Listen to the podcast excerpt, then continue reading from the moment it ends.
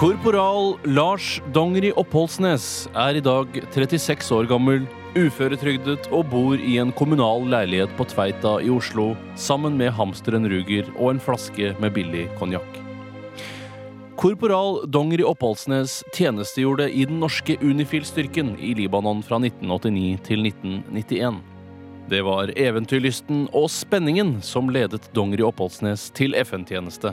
Men i dag sitter han igjen overvektig med tunge posttraumatiske lidelser og kjærlighetssorg. Det var en varm sommernatt. Så Fenrik Hoff og Dingstad og jeg var på patrulje i en forstad til Beirut. Og så driver vi og sniker oss fra gatehjørne til gatehjørne, da. Og så idet vi huker oss ned bak en lastebil for å ta en slurk med vann, så, så skjer det. Vi ble truffet av kraftig artilleri, og Dingstad blir truffet. Og Beina hans blir revet av hofta, og blodet bare fosser ut av såret på da. Og jeg skriker ut i natta, så kaster jeg meg over den. Hva skjer da? Jeg våkner. Så alt var bare en drøm? Nei, nei, det var det ikke. Eller jo, det, det var det. Korporal Lars Dongeri Oppholdsnes hadde ofte vonde drømmer mens han tjenestegjorde i Libanon.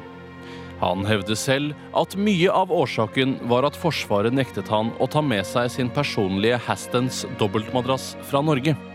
Han måtte dermed ligge på vanlig skumgummimadrass under hele tjenesten, bortsett fra høsten 1990 da de pusset opp den norske leiren.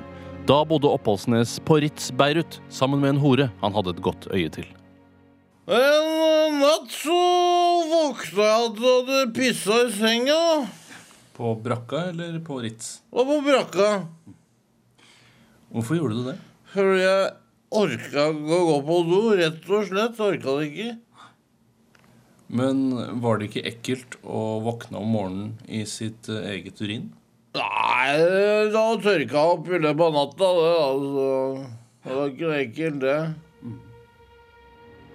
Brakka til Lars Dongeri Oppholdsnes var den eneste i den norske leiren som ikke hadde toalett i samme bygning. Det betydde at Oppholdsnes måtte ta på seg sko for å komme seg til toalettet som lå vegg i vegg. Som en stille protest fortsatte han å vete sin egen seng natt etter natt. Til slutt begynte medsoldatene hans å klage på stanken. Hva gjorde leirkommandanten med problemet? Han sa at eh, ingen tok skade av å gå 20-30 meter til do. Selv om natta, sa han da. Hva gjorde du da? Jeg fortsatte min stille protest, jeg.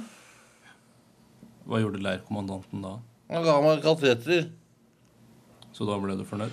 Jeg syns det var veldig nedverdigende, så jeg bare fortsatte å tisse i senga. Gjorde du det fordi det var litt godt også? Nei, det gjorde jeg ikke. Eller jo, jeg gjorde det. I tillegg til søksmålet mot det norske forsvaret, hvor Oppholdsnes har fremsatt et krav på 155 millioner kroner, har han klaget inn den norske leirkommandanten til den internasjonale domstolen i Haag for brudd på menneskerettighetene. Saken er fortsatt under behandling. Hvordan sover du nå om dagen? Veldig bra, takk skal du ha. Du hører på radio.